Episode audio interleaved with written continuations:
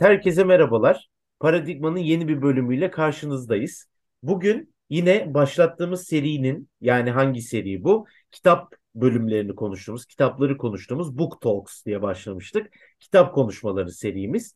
Bu kitap konuşmaları serimizde bugün başka bir bölgeye, başka bir konuya eğiliyoruz. Konuşacağımız kitabın adı kimlik tanımı bağlamında Türkiye'nin İran üstünden geliştirdiği tehdit algıları 1980-2003 Paradigma Akademik Yayınlarından çıkmış. Bizimle adaş bir yayın evi. 2021'den çıkan kitabın yazarı çok sevgili arkadaşım Oral Toğa. Oral e, Milli Savunma Üniversitesi Güvenlik Araştırmaları bölümünde şu anda doktora yapıyor. E, biz hem Boşa Konuşuyoruz serisinden hem de Kadir Has Üniversitesi'ndeki doktoradan tanışıyoruz. O serimize de bakmanızı öneririm diyorum. Oral hoş geldin. Merhabalar Erman. Hoş bulduk.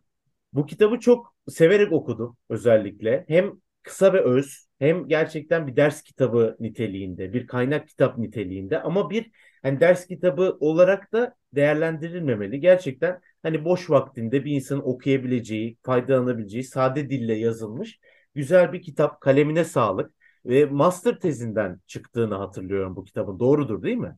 Evet evet master tezimden çıktı. Biraz değiştirdik, güncelledik bazı yerler. Hataları giderdim. Yayınladık. Çok da güzel bir eser olmuş. Dilersen yavaş yavaş hani ilk başta Book Talks bölümünde kitap konuşmaları serimizde yapmaya çalıştığımız genelde ilk başta kitabın çıkış öyküsünü. Yani dolayısıyla senin master tezinin çıkış öyküsünü biraz konuşalım isterim. Hani biraz test konuşmaları serimize de selam çakmış olsun böylece. E, dilersen hani kitabın e, yazma fikrinin nasıl geliştiğini, bu konuyu çalışmaya nasıl karar verdiğini spesifik olarak ve kitaba uzanan yolu hani şöyle bize bir anlatırsan belki benzer yolu takip edecek meslektaşlarımız için de bir yol haritası olur. Söz senin hocam buyursunlar.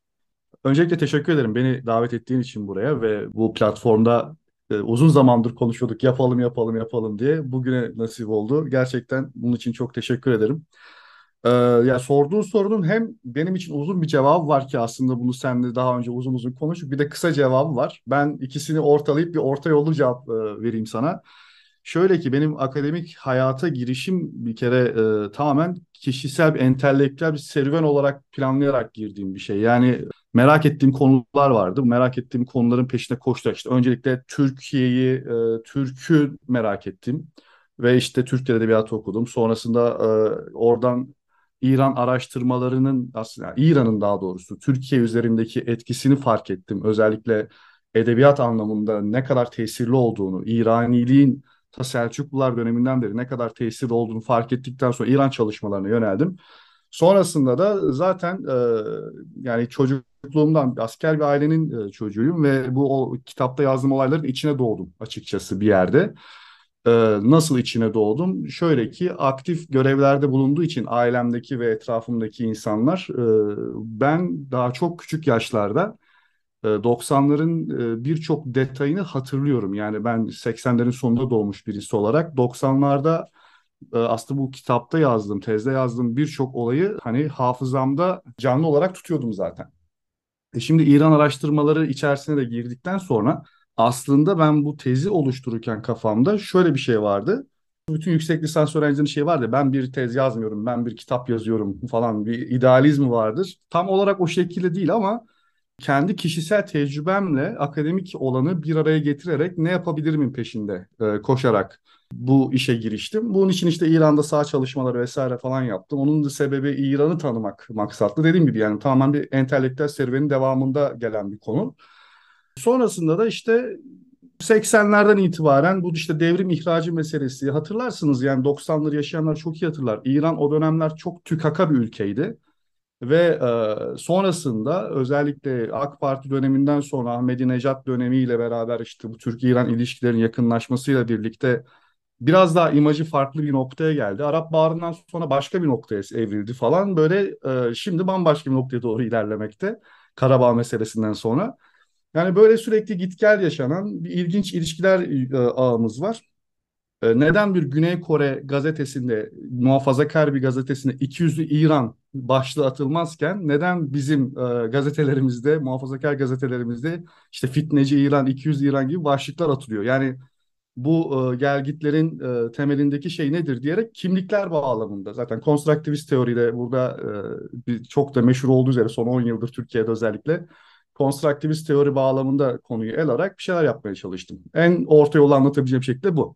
Gayet güzel hocam. Buradan zaten e, tezinin hani kitaba çevrilmesi de aslında ayrı bir zorluk, ayrı bir olay. Hani güzel bir araştırma sorusu, güzel puzzle yakalamışsın. Buradan tezden kitaba giderken e, çok böyle zorlandığın ya da takıldığın bir nokta oldu mu diye sorayım. Oradan da hani kitabın daha içeriğine girmeye başlarız istersen. Açıkçası tezin kendisine giderken çok zorlandığım yollar oldu. Bunun en büyük e, sebepleri tabii e, ülkemizin tam o dönemde geçirdiği siyasal dönüşüm, değişim vardı. Bu 15 Temmuz öncesi ve sonrası kadroların boşalması vesaire bana biraz ters vurdu. Çünkü ben İran'daydım o 2014-16 arası full İran'daydım ve ben döndüğümde okuldaki kimseyi tanımıyordum neredeyse.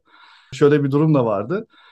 Hocalar değişmişti, kadrolar değişmişti. Kimi hocalar idari görevler almış ayrılmıştı yukarı ya da başka görevler aldıkları için şeyleri bırakmıştı. İrtibatsızlıktan dolayı zaten benim bir dönem danışmansız kaldığım bir süreç de olmuştu. Hani o dönem bayağı zor geçti benim için ama şöyle bir şey var. Şimdi o dönemde de bol bol okuma yapma şansım oldu. Kendi istediğim şeyler okuma şansım oldu. O dönemde atılma da sonradan geldiği için hani e, atılma korkusu da yaşamıyordum. Daha böyle geniş alıyordum mevzuyu. Dolayısıyla bu tezleştirme sürecinde bayağı bir zorluk yaşadım. 16-17 arası sürekli okumalarla geçti. 17'den itibaren de işte bölümleri yazmaya işte yeni danışmanımla sağ olsun Osman Gazi Özgüdenli hocamız çok da kıymet verdim. Farsçanın da ilk temellerini ondan öğrendiğim bir hocamızdır. Çok da kıymetli bir hocadır. Bana hakikaten büyüklük yaptı yani yol göstericilik yaptı bu süreçte. Bayağı bir e, derledi toparladı çünkü yani tezin 100 sayfasını biçti öyle söyleyeyim. Yani bunlar dedi doktora seviyesinde yapılacak şeyler dedi. Attı şöyle kenara bugünkü haline getirdi. Çünkü ben İran'ın da perspektifini koymaya çalışıyordum. Aynı zamanda te, yani karşılıklı perspektif koyayım öyle ilerleyeyim diyordum. O biraz beni üzdü açıkçası. Çünkü yani sakin kafayla ve şeye bakınca çok mantıklı bir şey. Sonuçta hani e, çok dağılmıştım. E, o beni toparladı fazla dağılmışlık birinci sorun diyebilirim ben bu konuda. Çünkü konu çok dallı budaklı bir konu. İslami terör, bölücü terör, e, ikili ilişkilerin dinamikleri, kimliksel tanımlar, iki ülkenin de tarihi çok eskiye gidiyor ve ortak bir sürü noktaları var vesaire falan. Hani neyi nereden tutacaksın? Moğollara da girebilirsin girecek olsan. Selçuklulara da girebilirsin girecek olsan. Edebiyata da girebilirsin. Ne bileyim yani Şah İsmail'e de girebilirsin. Yani tarihsel felsefeden bakacak olduğumda çok dallı budaklı bir şeyden bahsediyoruz. Hani bu dallı budaklılık bunu hani ya şu da önemli, bu da önemli psikolojisiyle bir de iş bilmez öğrenci psikolojisidir ya hani yüksek lisansta gene e, insanı öğreten tarafıdır. Hocamın bu değerli toparlayıcı tarafı bana çok açıkçası fayda e, gösterdi. İşi bitirmemde çok yol gösterici oldu ve sonrasında kaynaklara ulaşmam şanslıydım. Yani o konuda çok zorluk yaşadığımı söyleyemem. Son dönemde çalışmaya başlamıştım. Çalışıyor olmamın getirmesi de tabii biraz zorlayıcı oldu. Zorluklar aşağı yukarı böyle oldu. Sonra kitaplaştırma aşamasında zaten Paradigma e, yayınları e, Çanakkale merkezlidir ki ben hani e, Çanakkale'li olmamın da avantajıyla Çanakkale'den gerçekten çok önemli işler yapan bir yayın evi. E, şu an birçok önemli akademik eseri de yayınlıyorlar. Daha önce çalıştığım benim daha lisans döneminde çalıştığım kitapçı patronum o yayın evinin sahibi şu an. O da sağ olsun yardımcı oldu bana yayınlama konusunda falan. Yani yayınlatma aşamasında da çok zorluğum olmadı. Ama dediğim gibi konuyu derleme, toparlama, o büyük yığının altından kalkıp da böyle biçip biçip bir şekil vermek ona e, en çok zorlandığım noktaydı açıkçası. Onu tahmin edebiliyorum. Zaten aslında hani kitabın içeriğine girerken de ilk soracağım nokta oydu. Zaten kitapta hani açıklıyorsun. Ama bir ikili ilişkiyi çalışırken belki katılır mısın bilmiyorum ama senin kitapta da muhtemelen o az önce bahsettiğin o zorluk var. Hangi perspektiften ele alacaksın? Bir de benim daha çok merak ettiğim dönemselleştirme meselesi. Yani hangi spesifik dönemi seçeceğim ben bu uzun süreli ilişkide hangi döneme odaklanacağım? Mesela ta günümüze kadar getirmiyorsun ama günümüze çok önemli ışık tutacak bir 20-23 yılı alıyorsun neredeyse. O yüzden ilk soracağım soruda dönemselleştirme. Yani bu dönemselleştirmeye nasıl karar verdin? Bu dönemselleştirmenin özellikle Türkiye'nin açısından İran algısı özelindeki önemi nedir? Yavaştan böyle kitaba da girmiş olalım istersen.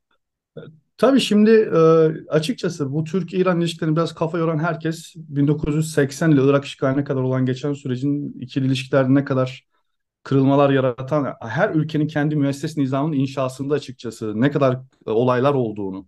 Çünkü bizde 80 darbesi sonrası olanlar, liberal ekonomiye geçişimiz, Özallı yıllar vesaire.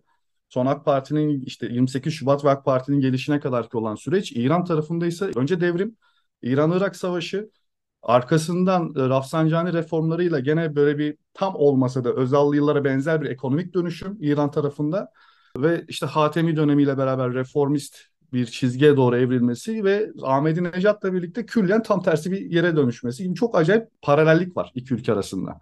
Aslında bu paralellikler Meşrutiyet devriminde de 1906 onların ikisi, e, bizimkisi 1908, ikinci meşrutiyet. Hani e, İstanbul'da gerçekleşen bir şey açıkçası. Yani İran aydınları İstanbul'a geliyor. Bizdeki aydınlarla oturup e, fikri münasebetlerde bulunuyorlar. Gazeteler çıkartıyorlar.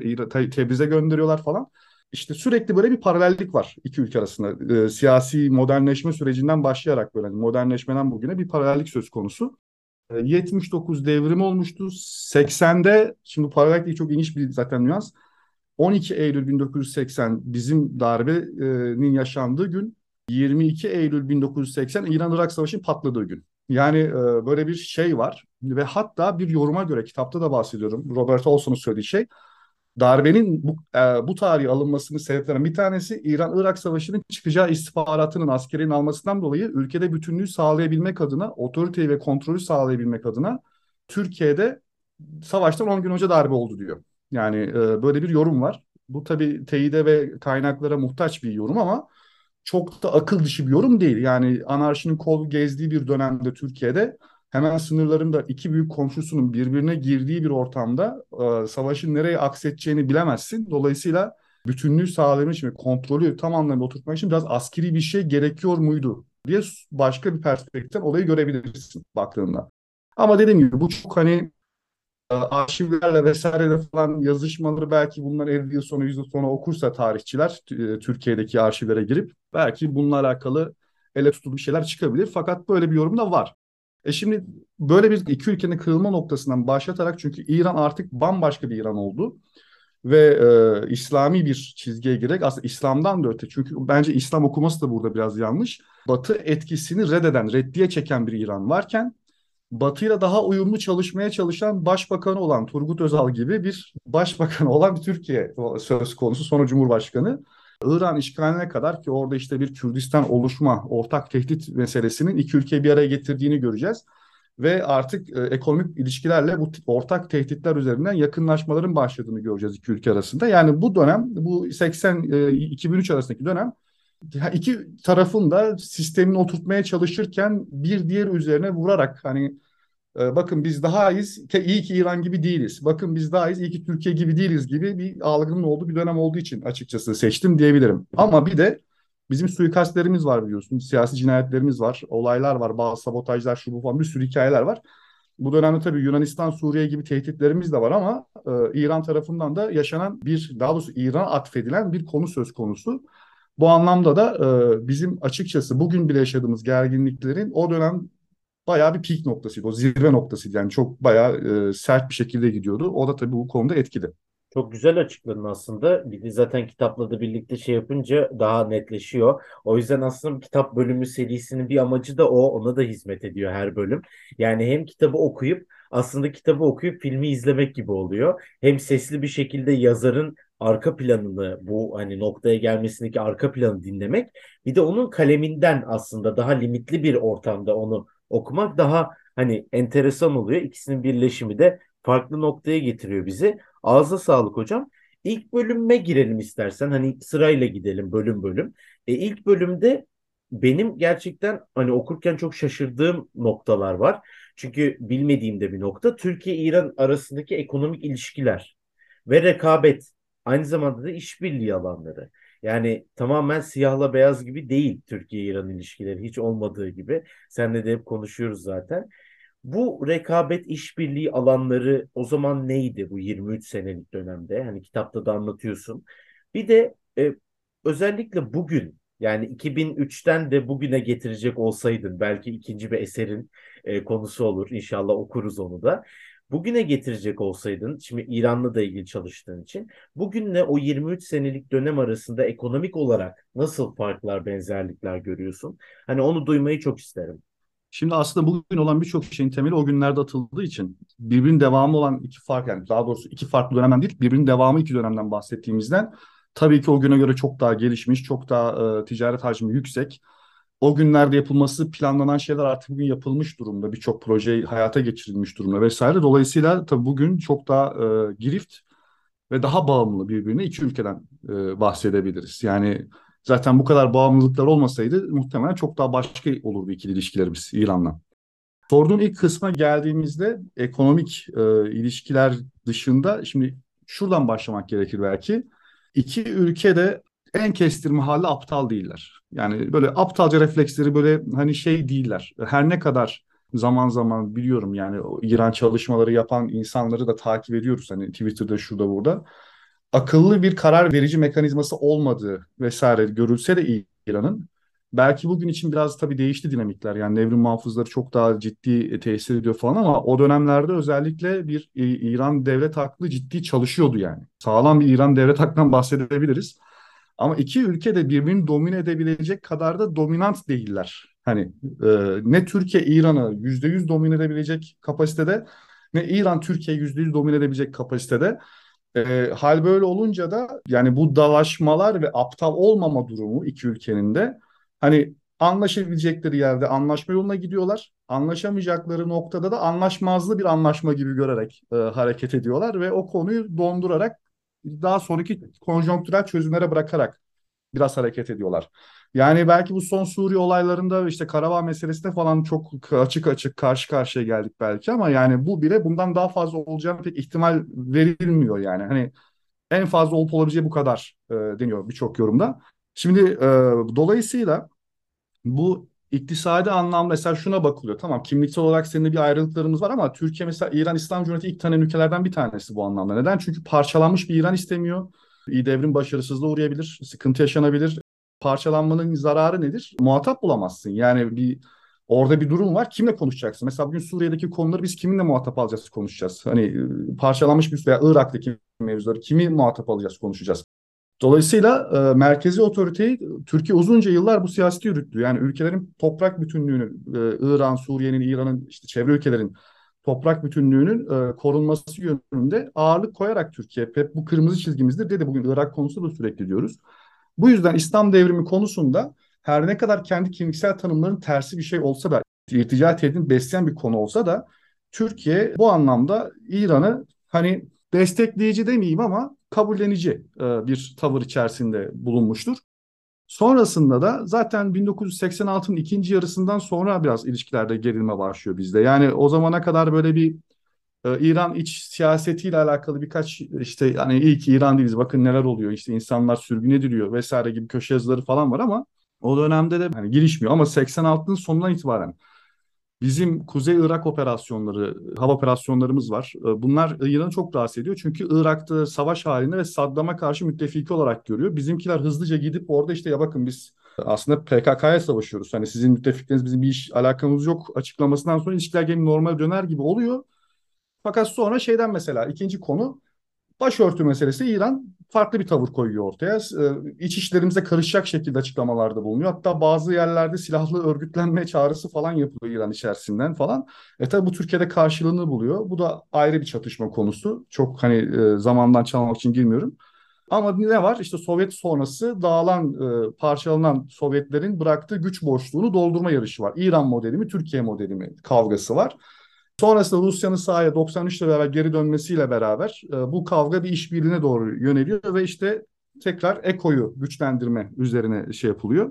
İşte 96'da gene boru hattı anlaşmaları, işte Refah Partisi dönemiyle birlikte karşılıklı tekrar ısınan ilişkiler ama öteki taraftan İslam Hareket Örgütü'nün işte faaliyetleri İran destekçisi olduğu düşmesi açık açık siyasetin İran'ı suçlaması bunun için yapılan suikastlerde vesaire falan ilişkileri böyle bir yandan olumlu bir yönde işte EKO'yu görüyorsun. Öteki mesela 93 mesela çok ilginç bir yıl o anlamda. Yani bir yandan Uğur Mumcu öldürülüyor. Hemen e, 10-15 gün sonra bizim İçişleri Bakanı çıkıyor diyor ki bu faili İran diyor mesela.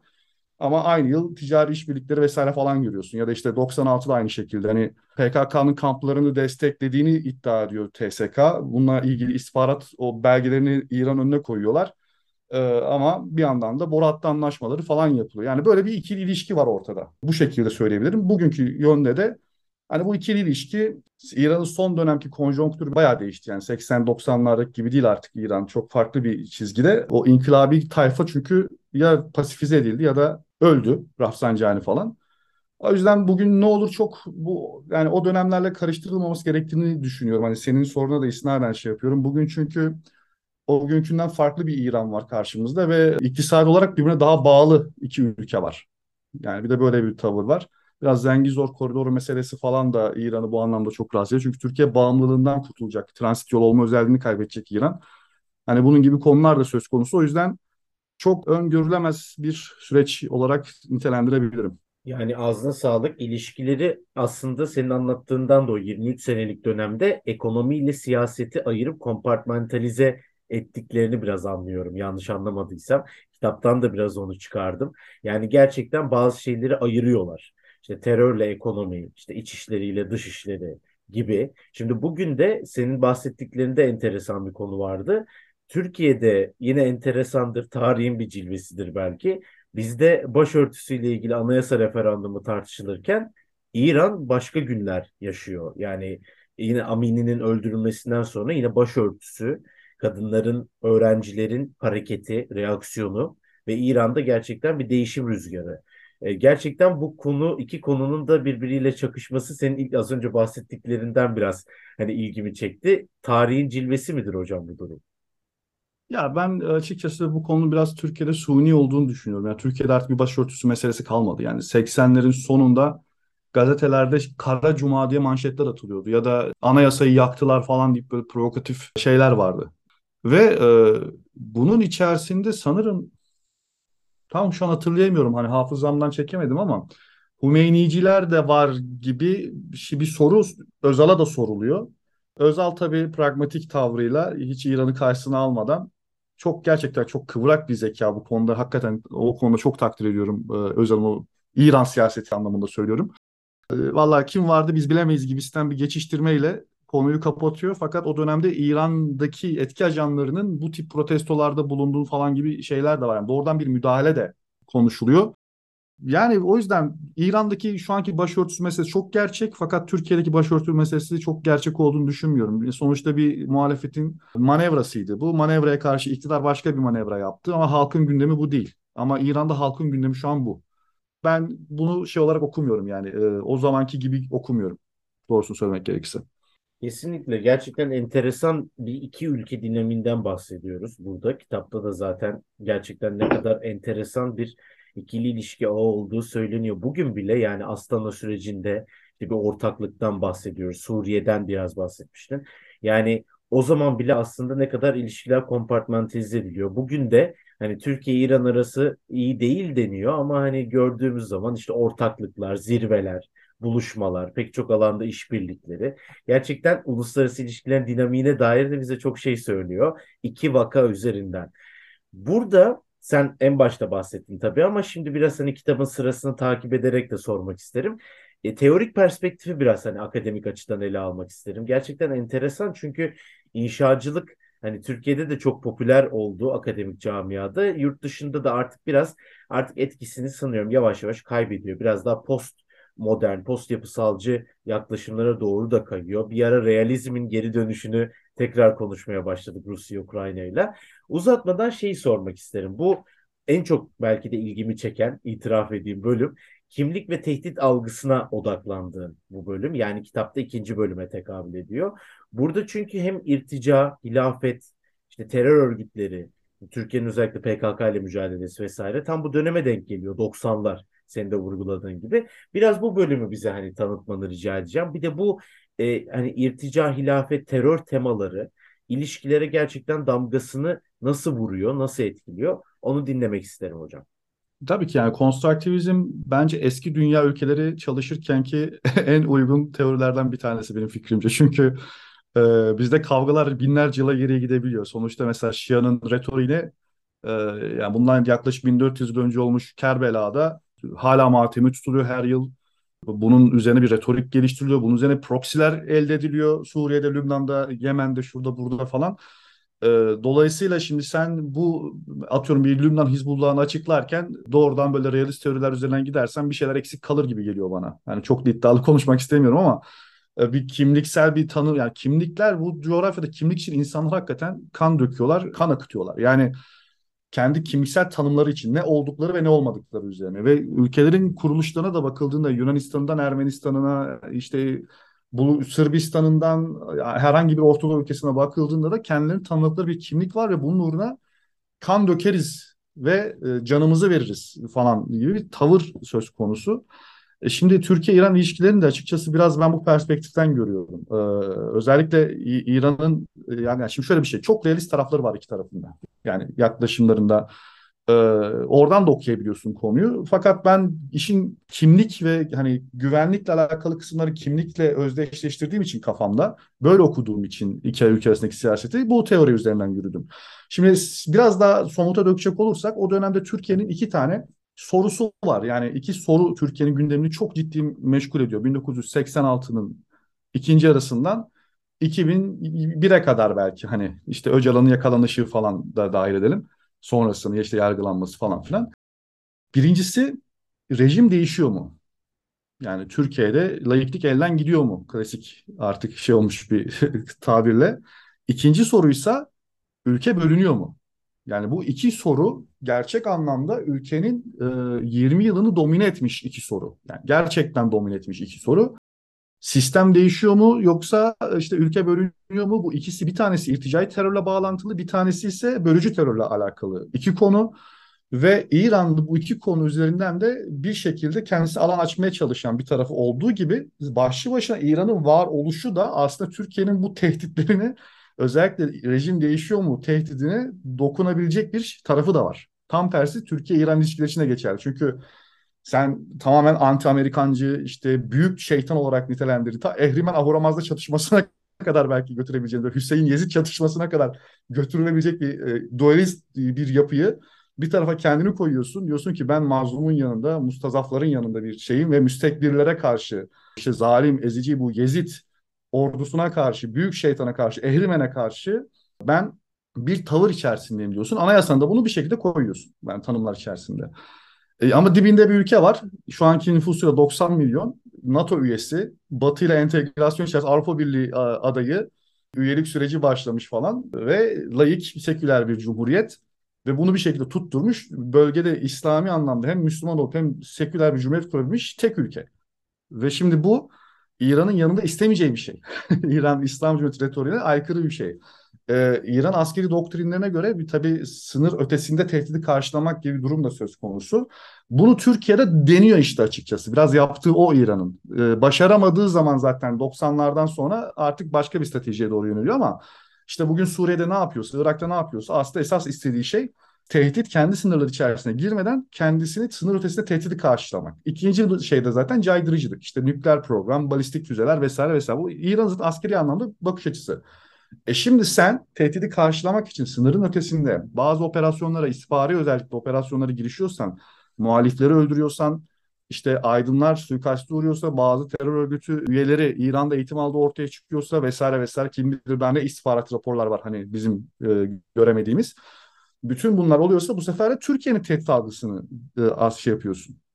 E şimdi bütün bu kavganın ortasında da şeyi görüyoruz işte hani kimliksel tanımlamalar üzerinden gidiyor her şey. Çünkü iki tarafta az önce de söyledim ya iyi ki ben öyle değilim diyerek diğer tarafa kendi halkına propaganda yapıyor ve kendi rejimini sistemini buna göre yükseltip şey yapıyor. Burada Türkiye'nin avantajı şu, Türkiye daha ideolojik sahiplerden e, uzak daha pragmatik. Yani burada gerçekten Özal'ın çok ciddi bir katkısı var yani şey olarak. Ee, Demirel de çok pragmatik bir adam. Özal da çok pragmatik bir adam. Bu pragmatik e, insanların açıkçası tavrı biraz daha işi belirleyici bir noktaya getiriyor. Rafsanjani de çok pragmatik bir adam olup ikisi de böyle denk gelince 90'ların ilk döneminden itibaren böyle bir e, o bahsettiğin ayrıştırma daha görülür hale geliyor. Çünkü Şöyle bir örnekle çok kısa özetleyeyim. 87'de olması lazım. İran devlet radyolarından Türkiye aleyhine işte bayağı sert açıklamalar gelince Kenan Evren dönemin Cumhurbaşkanı TRT'den sanırım şey yapılmasını istiyor. Yani İran karşıtı bir yayın yapılmasını istiyor. Öyle bir durum var. Şu an çok hatırlayamıyorum e, mevzuyu ama Özal önüne geçiyor mesela. O, o şekilde bir yayının yapılması falan önüne Özal geçiyor. Yani e, bu tip refleksler işte Anıtkabir ziyaretinin yapılmaması, her yani protokol kuralını çiğnenmesi hatta yani şöyle bir şey oluyor. Musevi yapıyor onu da. O dönemin başbakanı şeyin İran'ın e, Türkiye'ye geliyor. Anıtkabir'e değil Konya'ya gidip Mevlana Türbesi'ni ziyaret ediyor falan böyle. E, işte bunu eğer Anıtkabir'e giderse kendi ideolojisi çelişeceğini açık açık söylüyor. Türk basınına veriyor bu demeçleri falan. Böyle şeyler var yani. Bu tavra karşı da bizim pragmatik tavrımız işi biraz daha kurtarıyor diyeyim. Rafsanjani ile beraber zaten Hümeyni'nin vefatıyla birlikte işte Hamenei Rafsanjani ikilisi biraz daha ilişkileri başka noktaya çekmeye vesile oluyor. Tabii. Tamamen kimliksel konu yani. Evet bir de bu bahsettiğin konuda ilgimi çeken yani kitapta da zaten belli oluyor ama liderlerin etkisi. Az önce de bahsettin. Yani aynı zamanda aynı görevde benzer ülkelerde bulunan ül ülkelerdeki görevlilerin, bürokratların aslında pragmatik tavırları bizi nereye götürüyor ve ikili ilişkilerindeki etkileri nasıl oluyor? Onları incelemek çok enteresan oluyor gerçekten. İnşacılığın da bence buradaki aslında kitapta da güzel koyduğun gibi ortaya hani etkisi çok büyük. Çünkü ta geçmişten günümüze gelen bir hani kimlik inşası var. Ülkelerin birbirini belli konumlandırmaları, algıları var. Hatta daha doğru belki de tabir edeceksek. Burada son bölümde de biraz ona giriyorsun. Çünkü mesela Sev sendromundan bahsetmişsin. O benim ayrıca da ilgimi çekiyor. Lozan sendromu ile ilgili de son zamanlarda bir literatür gelişiyor. Sev ile Lozan'ı işte kıyaslayan bir literatür var. Burada Türkiye-İran ilişkilerinde ta yine bölümün başına gideceğiz biraz ama işte bu bölünme kaygısı, ta Sev sendromuna giden, Türkiye'nin kimlik inşasında yerinin çok büyük olduğu bir olay ve belki de Lozan'dan bugüne ulaşan bir işte cumhuriyet, bölünme, kimlik inşası vesaire. Burada özellikle bölücü terör örgütü meselesine de belki biraz girebiliriz. İkili ilişkilerdeki payı çok büyük.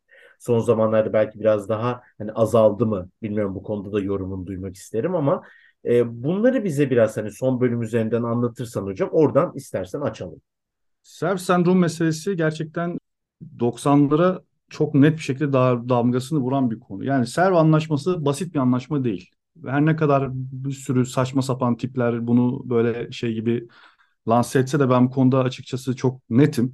yani böyle biraz e, bayağı netim bu konuda. Askeriyede özellikle e, bilenler bilir birçok yerde serv haritası hala asılıdır yani askeri içerisinde. Neden? Çünkü unutmamak gerekir. Bir kere oldu bir daha olabilir. Gerçekten olabilir. Yani neden hazır olmalıyız? Bu yüzden hazır olmalıyız. Neden işte e, Askerin meşhur lafı var ya güçsüz cesuruz hazırız. Yani niye güçlü olmalıyız? Niye cesur olmalıyız? Niye hazır olmalıyız? E bu yüzden olmalıyız. Yani çünkü bu başımıza bir kere geldi bir daha çok rahat gelebilir. Bu açıkçası yaşanmış bir olay ve yaşanmış bir olay olduğu için de bir sendrom olarak ülkemizin kuruluşunda, formasyon aşamasında e, oldukça hatta direkt bunun üzerine kuruluyor. Çünkü yani kurmaylar ne yapıyorlar? Samsun'a çıkıp işte Amasya'da, Sivas'ta, Erzurum'da bunu reddediyorlar. Bu reddiyenin üzerine bir mücadele başlıyor ve mücadele üzerine bir ülke kuruluyor. Dolayısıyla Türkiye'nin kuruluşu aslında direkt Serv Anlaşması'nın reddiyesiyle başlayan bir süreç temelinde. E şimdi hal böyle olunca sistem de buna göre inşa ediyor. Bu reddettiğin şeye tekrar düşmemek için ekonomik bağımsızlık, işte milli olan her şey, milli eğitim, milli savunma, milli ekonomi vesaire hani bu anlamda bir e, çaba içerisine giriyor Türkiye. Bir, bir gayret içerisine giriyor. Ama bakıyorsun bir taraftan özellikle 90'ları bir hatırlayın. Kardak krizini düşünün. Suriye'de Hatay iddiasını düşünün. Baba Esad'ın, Hafız Esad'ın işte şeyi Hatay üzerindeki sürekli olan açıklamalarını düşünün. İşte Ermenistan'ın gene Batı Ermenistan iddiası, soykırım üzerinden toprak talep etme çabası e, falan. E, bir taraftan PKK terör örgütü yaptığı faaliyetler, bir Kürdistan yaratılabilir mi Türkiye'den çabası.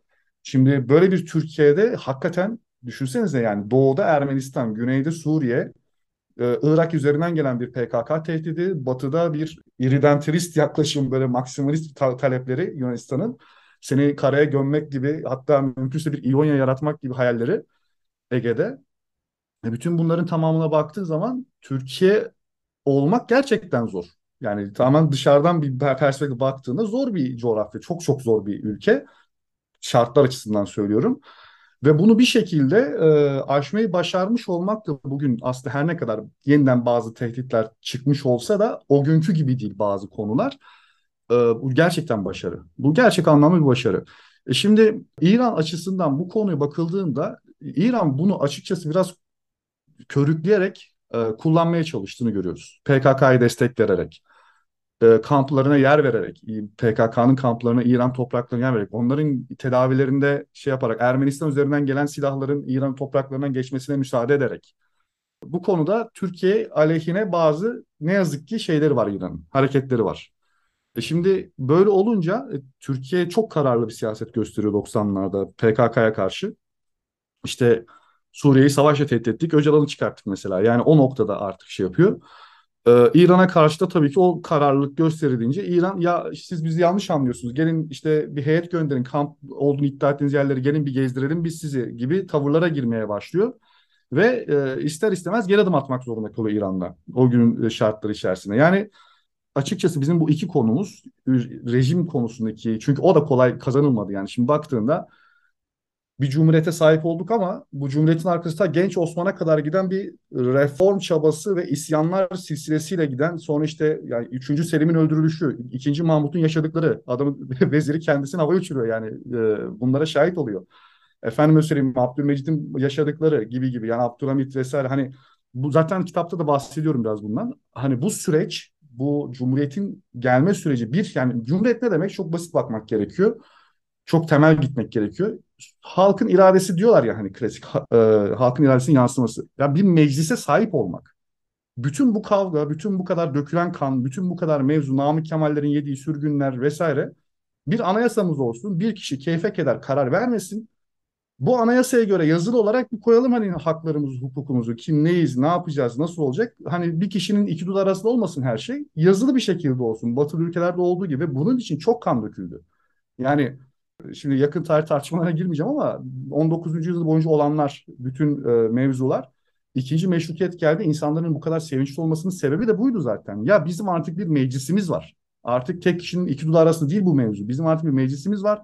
Bizim artık bir anayasamız var ve e, bu yüzden biz e, artık daha terakki hani zaten İttihat ve Terakki'nin şey odur yani ileri ilerici adımlar atabileceğiz hevesi var. Tabii böyle olmuyor. Konjonktür buna müsaade etmiyor. Ülkenin gerçekleri buna müsaade etmiyor vesaire.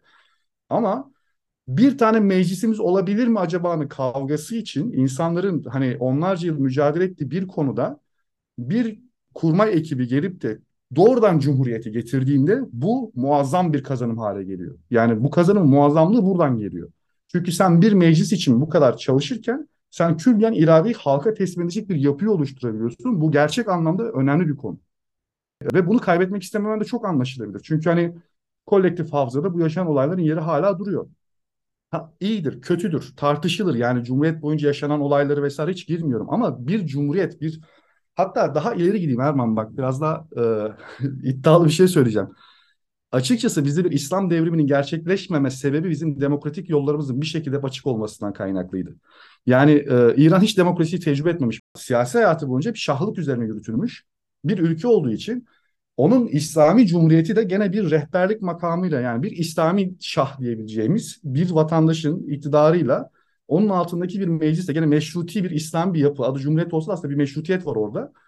Ee, bir yapı üzerine yükselirken biz gene de ne olursa olsun yani 90-100 yıl oldu artık yani 99. yılını kutladık geçen. 100 yıllık Cumhuriyet tarihimiz içerisinde her ne yaşandıysa acısıyla tatlısıyla vesaire fakat hep bir şekilde 10 yıl sonra da olsa 15 yıl sonra da olsa demokratik yollarla o işi çözmeyi başardık.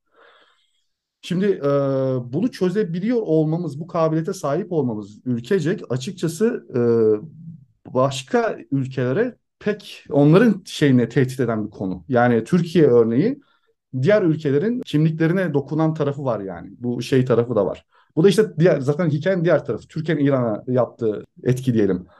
Ee, çok uzatmak istemiyorum. Ben dediğim gibi bir taraftan Türkiye'nin bu cumhuriyet kazanımını kaybetmek istememesi yani burada aslında İslam karşıtlığı gibi lanse etse de bazı çevreler buradaki esas karşıtlık tek bir ideolojinin, tek bir düşünce biçiminin bir devlete hakim olması meselesi ile ülkenin parçalanamaz bütünlüğü. Çünkü bir üniter yapı oluşturuyorsun. Onu çok kısaca girmek istiyorum. Buna bahsetmedim. Kitapta bahsediyor aslında. Desentralizasyon yaşıyoruz biliyorsun ikinci Viyana'dan sonra. Herkes başına buyruk, merkez otorite kaybettiği için herkes başına buyruk ayanlar ortaya çıkıyor. Bir artık herkes kendi kanununu ortaya koymaya başlıyor ve e, açıkçası birçok Balkanlardaki isyanın sebebi de bu oluyor. Yani Yunan isyanının sebebi birilerinin çıkıp da biz Sokratesis deyip de isyan etmiyor bu adamlar. Bu adamların isyan etme sebebi birileri bu adamları zulmediyor orada. Tarlalarına, bahçelerine vesaire yani ciddi e, olay neyse çok girmeyeceğim. Olaylar oluyor orada ve buna karşı bir ayaklanma söz konusu oluyor. Merkezi otoritenin olmadığının merkezin kendisi de farkında olduğu için İkinci Mahmut'un niye fotoğraflarını astırıyor? Niye kıyafeti tek tipleştiriyor? Yani adamın okul açma sebebi bu bahseden meşhur reformları var ya işte KPSS'de çıkan arkadaşlar çalışırken hep ezberlemeye çalışıyorlar. E sebebi bu çünkü merkezi bir yapı teşkil etmeye çalışıyor ki Abdülhamit en çok eleştirilen tarafı da bu. Hani merkeziyeti bozdu diyerek eleştirilir genelde. O dönemin şartlarında o da gerekiyor ama hani konjonktürel bir şey olduğu için çok girmeyeceğim. Ama Cumhuriyetle bu sağlanıyor. Yani artık ülkenin her tarafına muktedir. Ee, bütün her tarafındaki zaten bu Cumhuriyet başındaki isyanlar da bu yüzden patlıyor. Yani o muktedirlik öteki diğer bölgesel muktedirlerin e, çarkına çomak soktuğu için e, çıkar çatışması sonucu isyanlar ortaya çıkıyor ve işte bu muktedirlik durumunu kaybetmek istememesi çok anlaşılabilir bir şey bir ülkenin. Çünkü bunu kurmak için zaten nereden baksan ikinci Viyana'dan beri verilen bir mücadele var yani. Bunu kuramadığın için de peyderpey sürekli kopmuş, parçalanmış bir ülke var ortada.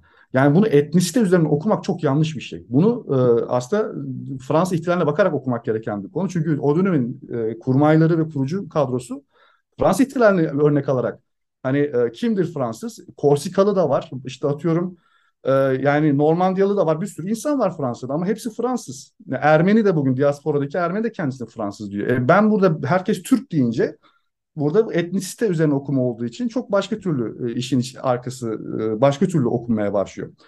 Uzatmayayım. Demek istediğim şey şu. Cumhuriyet kazanımları ve işte bu e, üniter yapının korunması meselesinde ikisi de 200-300 yıllık kan dökmenin yani gerçekten büyük olayların sonrasında yani 31 Mart olayı çok büyük bir 15 Temmuz gibi bir olaydır 31 Mart olayı. 13 Nisan'da olay olur, 14 Nisan'da Adana olayları olur mesela. Sonrasında Mersin Limanı'nı işgal ederler. Çukurova bölgesinde Amerikan, Fransız vesaire şeyler oluşur yani. Etkisi e, daha fazla belirli olmaya başlar falan filan. Ee, yani bu mevzuların gerçekten bedel ödenerek olmuş olması devlet reaksiyon açısından da bunun ta aksine döndürülmemesi için koyulan reaksiyon hiç de anlaşılmaz değil bence. Bir de devamlılık içinde okuyorsun. O da daha enteresan. Aslında 1980-2003 diyoruz kitapta ama yani onun çok daha geçmişine gitmek mümkün. Kitapta da o hani tatları alıyorsun. Şimdi de bahsettin zaten. Günümüze getirmek de pekala mümkün. Böyle bir ikinci bir kitap çalışması senden bekleriz hocam gelecekte. Yani 2003-2023 gibi bir 20 senelik dönemi daha. Gerçi Türkiye için sadece AK Parti dönemi oluyor. İran'da değişen başkanları görüyoruz. İran'daki değişimlerden de bahsettin aslında biraz onun ipucunu da verdin. Hani böyle bir gelecek kitap projesi de senden bekleriz. Bunun üzerine hani bir inceleme yazmayı da aslında dinleyicilerimize aslında tavsiye etmek, onları teşvik etmek isterim. Kitap incelemeleri, akademi düşünen dinleyicilerimiz için özellikle kitap incelemeleri yapmak diğer okuyucular için de faydalı oluyor. O yüzden hani bu bir nevi sesli bir kitap incelemesi oluyor bizim yaptığımız. Ben de en kısa zamanda bir inceleme kalemi almak istiyorum senin kitap üzerine. Hani o yüzden genel anlamda eline sağlık hocam. Ee, benim hani çerçeve olarak genel sorularım böyleydi ama e, biraz hani geleceğe dair bir perspektif senden de dinlemek isterim hazır buluşmuşken. Bu son 20 senelik dönemde bu bahsettiğin temalar, ekonomik işbirliği, özellikle kimlik inşaları özellikle Türkiye üzerinden yine okumak gerekirse bir de İran üzerinden okumak gerekirse nereye bizi götürür? Önümüzde Türkiye için kritik bir dönemeç var. İran bahsettiğin gibi kritik bir dönemeçten geçiyor. Son belki tarihinde yaşadığı en büyük hani protesto dalgalarından bir tanesi diyebilir miyim böyle katılır mısın? Hani böyle bir gelecek perspektifi senden almak isterim. Öyle de yavaştan istersen toparlarız başka bir şey aklımıza gelmez. Yani şimdi çok açıkçası yani toparlaması, şey yapması genel anlamda zaten konuşma içerisinde benim için zor oldu anlamışsındır. Çünkü çok dallı budaklı ve çok yönlü bir tarafı var. Bunda da mesela aklıma ilk gelen şeyden başlayayım. Ee, söylediğin, sorduğun şey üzerine. Ya açıkçası konjonktür çok değişti artık. Yani bir kere sosyal medya gerçekliği var her şeyden öte. Ya sosyal medyanın dezenformatik tarafı da var. Enformasyon ulaşmayı kolaylaştırdığı kadar. Yani ne ne kadar doğru bir de işte post-truth mevzular var ya yani inandığın doğru hikayesi. Ee, dolayısıyla bu İran mevzusunda yani şu an gerçekten öngöremiyorum. Çünkü şimdi Azerbaycan meselesi hiç olmadığı kadar gündeme geldi. e, Türkiye çok oyun değiştirici hareketlerde bulundu son 3-4 yılda. Yani Karabağ meselesi 30 yıllık mesele bir 40 günlük savaşta 40-45 günde çözüldü. Farklı bir noktaya evrildi.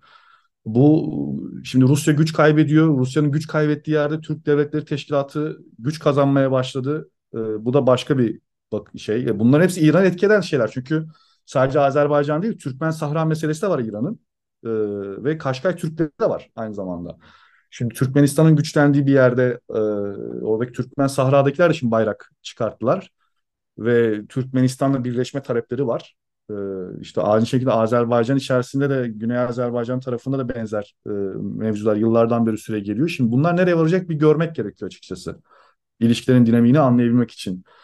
E, açıkçası ben İran e, elitlerinin, siyasi elitlerinin e, arasındaki çatışmanın sonucunun bunu belirleyeceğini düşünüyorum. Çünkü şu an orada çok ciddi bir siyasi çatışma söz konusu. Hamenei sonrası dönemin ne olacağını e, şekillendirmeye çalışıyorlar ve oluşacak güç boşluğundan da kimin e, borusunu öteceği çok amiyane tabirle belir, belir, belirlemeye çalışıyorlar. Bu çatışmada ister istemez bir sürü zaafa sebep oluyor ülke sistemi içerisinde. E şimdi bu zaafların sonucunda parçalanmış bir İran çıkarsa bambaşka bir şey oluşur. Birliğini, beraberliğini sağlayabilen bir İran çıkarsa önceki İran gibi mi olur? Mesela şu saatten sonra e, yani kadınlara başörtüsü taktırmak çok zor İran'da. Zaten 5 yıldır 6 yıldır e, yavaş yavaş gelişen bir sürecin son noktası bu.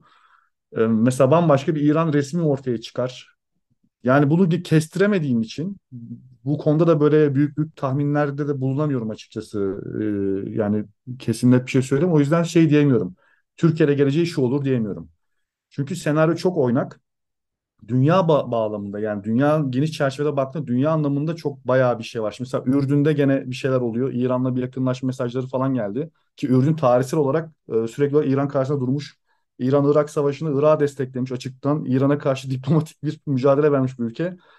E, şimdi bambaşka bir şey oldu ve Ürdün'de iki gün önce dün mü şey protestolar oldu. Mesela İsrail anlaşmaları iptal edelim. E, su ve gaz anlaşmalarını bitirelim gibi protestolar olmaya başladı. Şimdi buna İran'ın dahili var mıdır? Varsa ne kadar vardır? Mesela gibi hani bir sürü bir sürü yönden şeyler var. Çok uzatmayayım. Öteki taraftan Türk-Yunan meselesi, Doğu Akdeniz meselesi var. Şimdi mesela bunun 10 yıl içerisinde Türkiye ile yine çözüldüğünü varsayalım. E, Türkiye gaz sorunu çözmüş. E, Zengizor koridorunu kurmuş, transit ülke olmaktan çıkarmış. E, İran'ın burada bizim için ağırlığı ne olacak yani? E, baktığında bambaşka bir şey çıkıyor ortaya. Bambaşka bir resim ortaya çıkıyor. Avrupa için çok daha önemli bir ülke haline gelmiş Türkiye. Eğer lehine çözerse bu mevzuyu. E, Rusya alan kaybediyor. Rusya'nın kaybettiği alanı Türkiye mi dolduracak bu sefer mesela tartışma olarak bir şey yapılabilir. Hani o kadar şey ki bu. Tam tersi de olabilir. Allah korusun aleyhimize de çözülebilir bu konu. Bu sefer İran'a daha bağımlı hale geliriz. yani bu, bu tip konularda şey yaptığımızda. Yunanistan daha güçlü bir pozisyon sahibi olur vesaire.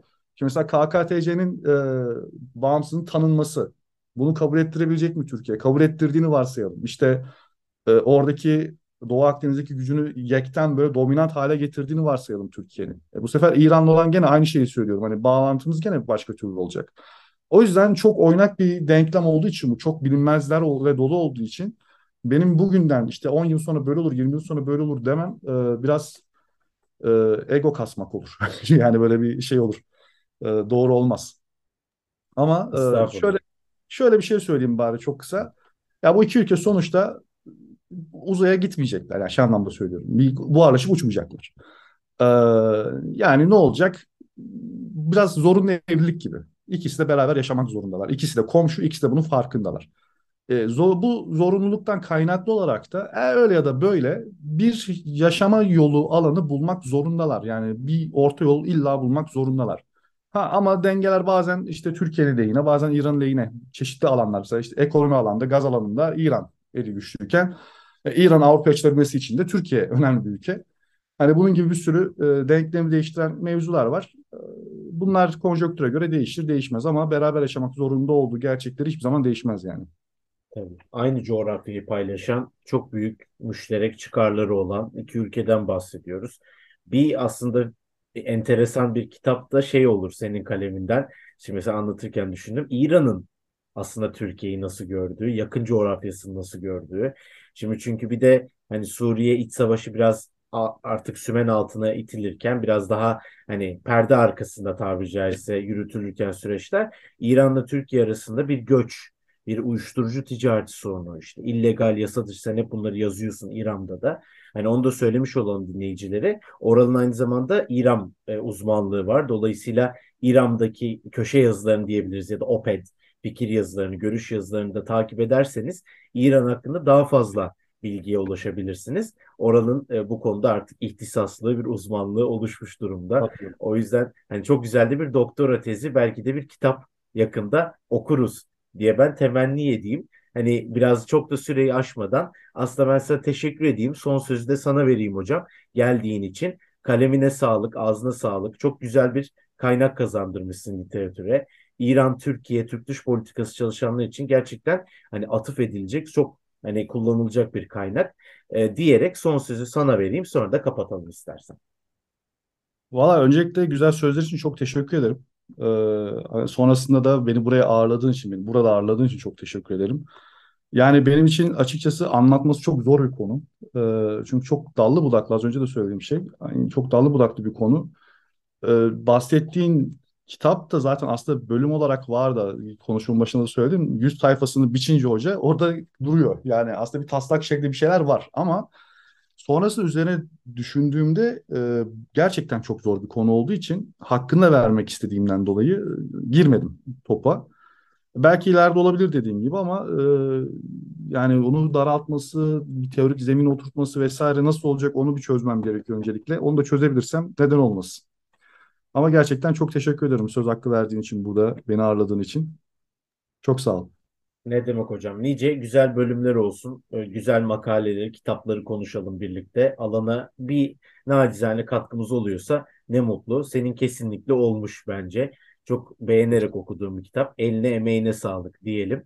E, kitap konuşmaları serimizde bugün e, sevgili arkadaşım, meslektaşım Oral Toğa hocamı ağırladık.